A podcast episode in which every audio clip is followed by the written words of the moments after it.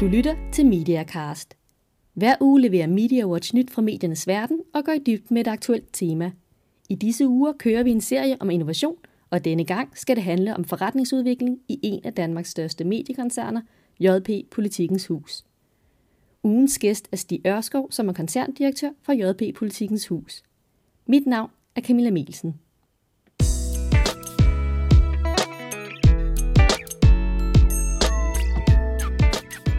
Men først skal vi se på nogle af ugens mediebegivenheder. Det er jo ikke skortet på nyheder i ugen, der er gået. Per Fanefjord Larsen, du er medieanalytiker på Media Watch. Hvad har der været det største i ugens løb? På redaktionen var vi noget overrasket over, at øh, DR pludselig gennemførte en fyringsrunde. Blandt andet, at den nye mediedirektør, næsten nye mediedirektør, øh, Michael Kamper, allerede røget ud igen. Øh, men det viser jo, at det var en øh, tilpasning til den nye public service linje, som den nye, public, som den nye øh, generaldirektør, Marie Røn, havde behov for at, at gennemføre. Hvorfor er det, den nye generaldirektør handler sådan her? Altså DR havde indført, eller har besluttet, at der skal være en lidt anden public service linje, som er lidt strammere eller smallere, afhængig af hvordan man formulerer det. Og hun havde behov for at fjerne nogle folk, faktisk for at sige det rent ud, som ikke helt var på hendes hold. Og det kunne hun lige så godt have gjort, øh, skulle man synes, sidste år.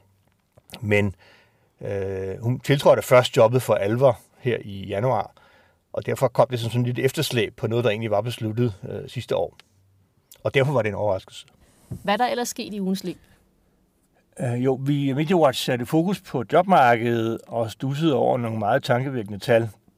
Uh, vi kunne se, at uh, jobzonen Sejlet Jobzonen øh, står til at omsætte for 100 millioner og øh, levere et overskud på 25 millioner i 2011, mens øh, Berlingske Medier øh, oplyste til os, at 90 procent af deres jobmarked på print er simpelthen forsvundet siden 2001.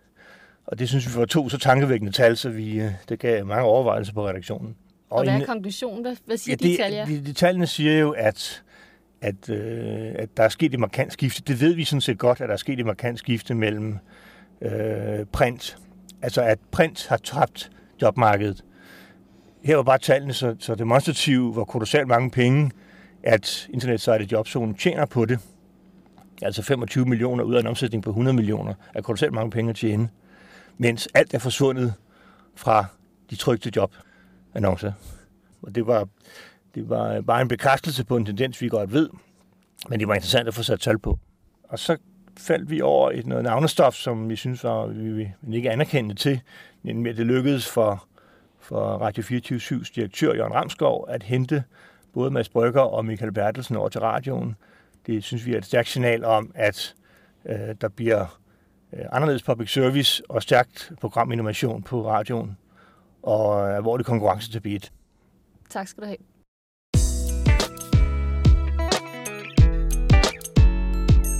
Finanswatch, Spot Deal, Politikken Plus. Det er alle eksempler på innovative måder at udvide forretningsområdet på hos JP Politikens Hus. Hvad er den røde tråd, når mediekoncernen skal finde på nye måder at tjene penge på? Hvor kommer væksten fra hos JP Politikens Hus? Og hvor stort er behovet for innovation i mediebranchen? Koncerndirektør Stig Ørskov løfter denne gang sløret for, hvordan JP Politikens Hus udvikler nye tiltag. Hvad er JP Politikens Hus øh, strategi for forretningsudvikling og innovation? Jamen, strategien er i virkeligheden, at øh, alt foregår decentralt. Vi lægger meget, meget, meget stor vægt på den selvstændighed, vores enkelte titler har. Og det gør vi af den grund, at øh, Ekstrabladet de har den bedste fornemmelse af, hvad Ekstrabladets læsere og brugere og kunder de efterspørger, og hvor det er, Ekstrabladet skaber værdi for deres læsere og deres kunder og deres brugere. Så vores grundlæggende strategi, det er, at ansvaret for udvikling af forretningen, den ligger hos den enkelte forretning. Den ligger ikke centralt. Den ligger ikke hos koncernledelsen, fordi vi forsøger at holde overopsyn med de enkelte forretninger, men den effektive udvikling af de enkelte forretninger, den ligger hos dem selv.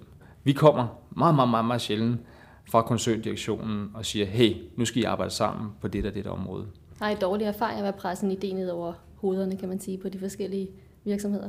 Et af de skal vi sige, dårlige eksempler, jeg kan nævne, det var, at vi havde en strategi for at etablere en række online-magasiner på et tidspunkt, som var meget koncerndrevet. Og vi forsøgte at lave et, et online-magasin for gravide kvinder, og det ramte bare helt skævt i markedet. Og det var fordi, vi gik ind et sted, hvor vi ikke havde nogen foregående viden, vi havde ikke nogen foregående indholdsproduktion på det område, vi, vi anede ikke noget om, hvad det var for et marked, vi gik ind på. Og det er det, som jeg i virkeligheden synes er en af de grundlæggende problemstillinger gang imellem, når man taler om innovation, det er, at folk næsten bliver grebet af, at handle tvang. Altså, de, de skal handle, og de skal skabe nye produkter, i stedet for at spørge sig selv om, hvor sige, hvordan er det, vi i dag skaber en særlig værdi, og hvordan får vi udviklet den? Jeg ved godt, det kan lyde lidt defensivt, men jeg tror sådan set ofte, at det gør, at man får et skarpere fokus i sin forretningsudvikling, ved hele tiden at spørge sig selv og sige, jamen, hvor er det, vi i dag kan lave noget ekstra, noget, der har større værdi, ud fra det indhold, vi laver i forvejen. Det, der er behov for i de fleste virksomheder, er måske ikke så meget at tænke ud af boksen, det er måske at kende sin boks, altså at vide, hvad det er for nogle, nogle, nogle kunder, man har, og vide, hvad det er for nogle værdier, man skaber for sine kunder, i kraft af det indhold, man skaber, eller i kraft af skal vi sige, den, den tilknytning til produkterne, som der bliver skabt. Så det vil sige, når I skal finde på nogle nye initiativer, så er det ikke så meget, at, at det er noget helt udenfra. Det er måske mere noget, der, der ligger tæt på det, I har i forvejen hos JB-politikken. Ja, det kan lyde meget defensivt, men du siger, vi tænker meget på at sige, men hvad er det for noget indhold, vi har i forvejen? Altså, hvor er det, vi har noget, der skaber værdi for folk? Og så spørger vi os selv, hmm, hvor kan vi skabe ny værdi for folk?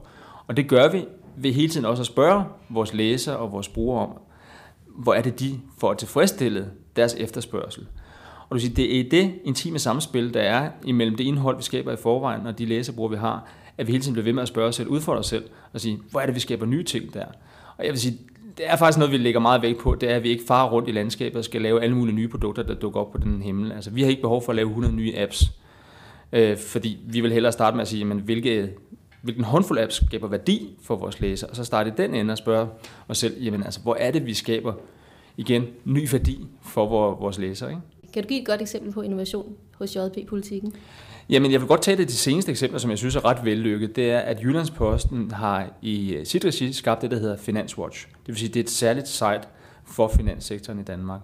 Der har vi set et af vores medier, nemlig Jyllandsposten, som har en ekstrem god erhvervsdækning, tør jeg godt sige, har set, at der var et behov hos en gruppe af deres læsere, netop folk i den danske finanssektor, for at få noget stof, som dækkede dybere og dækkede bedre, og de ovenikøb set, at der var en betalingsvillighed for det. Så vi har skabt med Finanswatch et af de mest vellykkede eksempler, set i Danmark indtil videre, på et stofområde, hvor vi faktisk kan få betaling for det digitale indhold. Og det er skabt i, skal vi sige, i meget, en meget intim, han har sagt, forretningsudvikling, hvor man har en, en meget skarp forståelse af, hvad er det for noget indhold, vi har, hvor det, det skaber værdi for specifikke målgrupper. Og det har man altså et ekstremt godt blik for, for på Jyllandsposten, og jeg synes, det er et meget vellykket eksempel med Finanswatch. JP Politikken er også kommet med en ny form for annoncering, kunne man kalde det, der hedder Spot Deal. Hvad handler det om? Jamen, det er jo et koncept, som vi jo kender i udgangspunktet fra USA med Groupon, som er en slags, kan man kalde det, en digital kuponhæfte, man i virkeligheden udgiver på daglig basis. Og hvor man øh, samler en række tilbud, som så folk kan indløse med en, med, med, med en særlig rabat. Vi har andre, der også laver det her i, i, i landet. Øh, Downtown for eksempel, eller Sweet Deal, som skal lave. Og man kan sige, det er i realiteten det samme koncept som dem. Og der er vi ikke engang second mover der. Der tror jeg, vi er 10th mover, hvis der er noget, der hedder det. Så det er i virkeligheden øh, blot en kado til dem, der har opdaget markedet før os, væsentligt før os. Der, der må man sige til, til vores egen ris, at der kommer vi for sent i gang. Men øh, jeg har i hvert fald forløbet købt en, en rubrik-annonce, skulle jeg sige, en, øh, en tid til frisøren via Spot Deal. Ja, det glæder mig, det glæder mig. Jeg håber, jeg håber du fik en ordentlig rabat. 50 procent. Sådan. Men endnu vigtigere, en, en god oplevelse, fordi det er også det, det handler om, når vi taler Spot Deal, det er, at vi har ikke nogen øh, mening med det, vi laver, hvis det ikke er, fordi vi skaber værdi for vores, vores kunder og vores brugere. Og hvis du ser på internationalt, hvor er der så et godt eksempel på, at nogen, der, der formår at udvikle noget, der har værdi for deres målgruppe? Åh, oh, det er ikke sådan, at det bare står i kø med de gode eksempler, fordi så har vi jo garanteret også kigget dem over skuldrene. Men jeg synes da, at når man ser ud på det digitale medielandskab, jo, som vi har set for alvor blomstre de sidste 10-15 år, så ser man eksempler på en, en række medier, som faktisk har formået at skabe øh, relevant indhold. Huffington Post er sådan et fantastisk eksempel, men ikke desto mindre et godt eksempel, hvor man har i virkeligheden fundet ud af, at der var nogle, nogle stofområder, der spillede sammen på en interessant måde, som, som, som havde en stor, øh, hvor, hvor, hvor det var relevant for en stor gruppe af mennesker, som så havde lyst til at bruge det.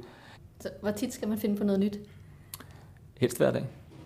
Øh, og jeg vil faktisk sige, at, at, at jeg synes, at, at, at øh, for mediebranchen generelt, men også for os specifikt, så må man sige, at selve indholdsudviklingen, udviklingen af det indhold, vi producerer øh, og præsenterer for danskerne, der er vi ikke, øh, synes jeg, dygtige nok til at udvikle det. Altså, det er for ofte, at øh, man i mange medievirksomheder, og det gælder også vores, øh, vil have, at man skal løse fremtidens udfordringer ved at lave forretningsudvikling, altså mere en kommersiel udvikling, snarere at spørge sig selv om, hvordan man udvikler det indhold, man producerer.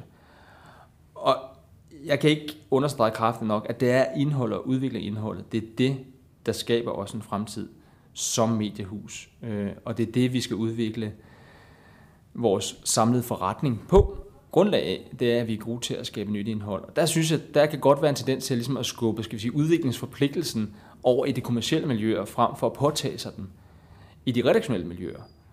Og det synes jeg, der har både vi og en masse andre danske medievirksomheder virkelig noget at arbejde med. Altså stille og sætte det grundlæggende spørgsmål. Jamen, det indhold, vi laver i dag, skaber det værdi for læserne? Altså, skaber det den oplevelse af relevans og væsenhed, som er helt afgørende for dem, for at de skal blive ved med at købe vores produkter, blive ved med at bruge det indhold, vi, vi stiller til rådighed for dem. Og der synes jeg ikke øh, nødvendigvis, vi er selvkritiske nok, øh, heller ikke her i huset. Hvis du ser på, nu siger du godt nok, at meget af udviklingen den kommer sådan øh, decentralt på JP-politikken, men hvor tror du, den største innovation kommer fra i JP-politikken i de næste 2-3 år? Jeg håber, den kommer fra de redaktionelle miljøer. Jeg håber, det er der, at den udspringer fra, fordi altså, vi lever og ånder for det indhold, vi skaber, at det er relevant og væsentligt for danskerne. Øh, og hvis det ikke kommer derfra, så får vi problemer. Så det er derfra, det skal komme. Det er derfor, man skal blive ved med at spørge sig selv, jamen altså, laver vi det indhold, som faktisk skaber værdi, og distribuerer vi det på den rigtige måde? Altså sender vi det ud på de platforme, hvor det faktisk har en gavn for danskerne, og sender vi det ud på en måde, så de får en fornøjelse og en værdi ud af at tilgå det. Det er der, det, er der, det starter. Konkurrenterne, de, de kommer og vil komme hurtigere, fordi det er blevet lettere at komme ind på markedet, end det var for bare en 15-20 år siden. Altså det er lettere at etablere et medie i dag, og så blive en konkurrencefaktor. Altså vi har set det på, på et række områder, hvor vi i den grad er udsat for konkurrence. Sporten ikke mindst, hvor vi med Bold.dk, som er en, en pure player, altså en virksomhed, som, som er skabt som en internetvirksomhed, i den grad gør det fantastisk godt og har tiltrukket sig en masse trafik. Og der kan man se, altså der er adgangsbarrieren til markedet er lavere end tidligere. Det betyder også, at vi skal være skarpere og bedre til at, at udvikle vores indhold, så det faktisk møder øh, brugernes behov, og, og så det også tilfredsstiller deres behov for at få indholdet på nye platforme. Mediebranchen bliver netop også ofte kritiseret for ikke at være innovativ nok og blive overhalet af Google selvfølgelig, og også Bold.dk, som du nævner, og alle andre, mange andre sådan nogle digitale spillere, som, som, som kommer forbi mediebranchen. Er der, hvordan ser du på mediebranchen? Er, er de for langsomme til at udvikle? Den fortælling, synes jeg ofte bliver sådan lidt forenklet. At fordi at der findes store multinationale spillere, som Google, som Facebook, som Apple, så er det som om, at vi andre ikke kan finde ud af noget som helst. Hvis du ser på det danske digitale marked, hvis du ser på dem, der virkelig har etableret sig og har fået positioner, som også nu er rentable, så er det jo de gamle mediehuse. Altså, Ekstrabladets markedsposition er jo fenomenal, og det er politikens og, og Jyllandsposten for den sags skyld også, og vi tjener ovenikøbet penge på det. Så jeg synes, altså, hvis man ser nationalt på det, så er der ikke mange andre, der har formået at udnytte deres position så godt, som, øh, som nogle af, af medierne. Og, og det siger jeg, synes jeg, uden at han har sagt, at skal lyde pralen her, som, som også nogle af vores medier, de har, de har faktisk formået at udnytte deres position meget godt. Men, men det er under ingen omstændighed det samme, som jeg siger, at, at, at vi er skarpe nok til at udvikle nye produkter, for der kommer hele tiden nye produkter, hvor man kan sige, hmm, hvorfor var det ikke os, der bevægede os her? Jeg vil da også tilføje den ting og sige, jamen, Google kunne være, have tænkt sig at have opfundet. Men, men vi betragter det ikke som en, en fiasko, at Google er kommet og har udviklet sig til det, de har udviklet sig til, fordi vi var aldrig nogensinde gået ind i den, den, den forretningstype, eller den, den gebet. Altså det vigtigste for os, det er at udvikle det indhold, vi laver, den journalistik, vi laver, og gøre os selv relevante med den. Og det er det, der er en stor udfordring for os hele tiden, og det er det, vi fokuserer på, fordi der er, skulle jeg helst sige, mange, der kommer i vores organisation hele tiden og spørger, skal vi ikke købe det ene og det andet? Ikke? Altså skal vi ikke købe trend sales, eller skal vi ikke købe Momondo eller noget tredje? Jamen, man kan sige, at folk tjener penge på det. Ja, det gør det en gang imellem, men det er ikke vores kernekompetence. Det er ikke det, vi er sat i verden for. Vi er sat i verden for at oplyse danskerne med væsentligt og relevant journalistisk indhold. Vi er ikke sat i verden for at lave alle mulige sidebutikker, fordi hvis vi først giver os til det, så begiver vi os også ud på et marked, hvor vi ikke har nogen iboende konkurrencefordel, det er ikke noget, vi ved noget særligt om, og det er heller ikke en del af vores virksomheds formål. Så selvom I, I, du har, eller selvom JP-politikken har mange forskellige typer virksomheder, så er der alligevel en, en fællesnævner, det er, det er journalistisk indhold. Ja, det er den røde tråd, det er, at det er drevet af en fundamental ønske om at producere relevant og væsentligt indhold. Så er det klart, så kan det godt ligge sig i tilknytning til de forretninger, kan der godt ligge sig relevante forretningsmuligheder, som vi så udnytter. Hvis du tager Politikken Plus, så kan du spørge, jamen, undskyld, er det øh, journalistisk indhold, der driver Politikken Plus? Er det ikke bare en købmandsforretning? Jo, det er faktisk i høj grad en købmandsforretning, men man kan sige, det er en købmandsforretning, der udspringer, udspringer lige direkte af det indhold, der bliver produceret. Det er de produkter, der bliver solgt, det er jazzplader, som har, så at sige, har en del til fælles med det indhold, der bliver produceret. Det er alt muligt interessant, nyt brugskunst. Det er kunst og galleriting i det hele taget. Ting, som i virkeligheden er inden for den samme sfære, som politikken befinder sig i. Men øh, hvis du spørger mig, om jeg synes, det er sådan en kerneforretning for JP Politikens Hus at beskæftige sig med den type købmandshandel, nej, det er det ikke, og det skal det heller ikke blive, fordi så går vi forkert i byen. Bare for at få en fornemmelse af det, hvor meget tjener I på Politikken Plus i forhold til avisen Politikken? Ej, nu ikke meget for at dele sådan specifikke tal, men altså, vi, øh, vi tjener gode penge. Hvor meget tjener I? Hvis du spørger, hvad omsætningen er ja. i politikken plus i forhold til den samlede omsætning på politikken, så er den i de pæne tocifrede procenttal efterhånden. Hvad var din egen sidste gode idé? Åh, oh, den er jo alt for lang tid siden. og så kan jeg sige, at den vil jeg ikke afsløre her.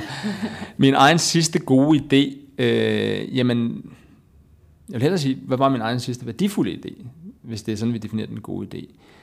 Øh, det var, at jeg foreslog øh, Danmarks største øh, internetboghandel, Saxo, at øh, overveje, hvordan de skulle distribuere deres bøger i Danmark, øh, hvor de indtil nu har brugt Post Danmark. Så sagde jeg, hvorfor bruger I ikke avisernes distributionssystem? Fordi så kan I få jeres bøger hurtigere ud og tidligere ud.